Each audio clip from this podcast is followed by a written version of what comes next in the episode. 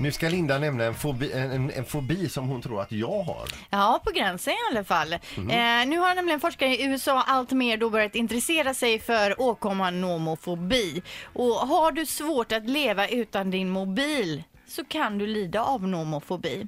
Brukar du liksom bli lite orolig när mobilen ligger i ett annat rum till exempel? Är det otänkbart för dig att gå till affären eller på en promenad utan att ha med dig mobilen?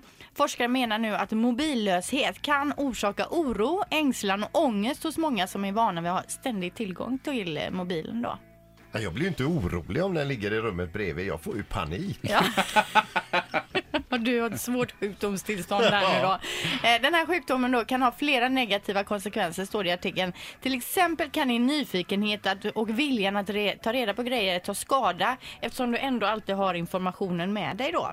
Eh, Det gör också att du blir sämre på att minnas saker för du har allting ändå uppskrivet i telefonen eller tillgång till den informationen.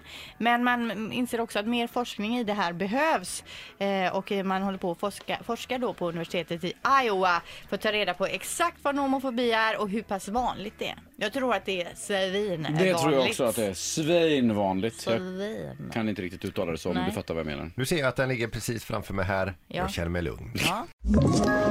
Ett poddtips från Podplay. I podden Något Kaiko garanterar östgötarna Brutti och jag, Davva, dig en stor dos skratt. Där följer jag pladask för köttätandet igen. Man är lite som en jävla vampyr. Man har fått lite blodsmak och då måste man ha mer.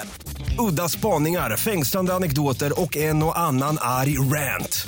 Jag måste ha mitt kaffe på morgonen för annars är jag ingen trevlig människa. Då är du ingen trevlig människa, punkt. Något Kaiko, hör du på Podplay. Därför är gardinerna.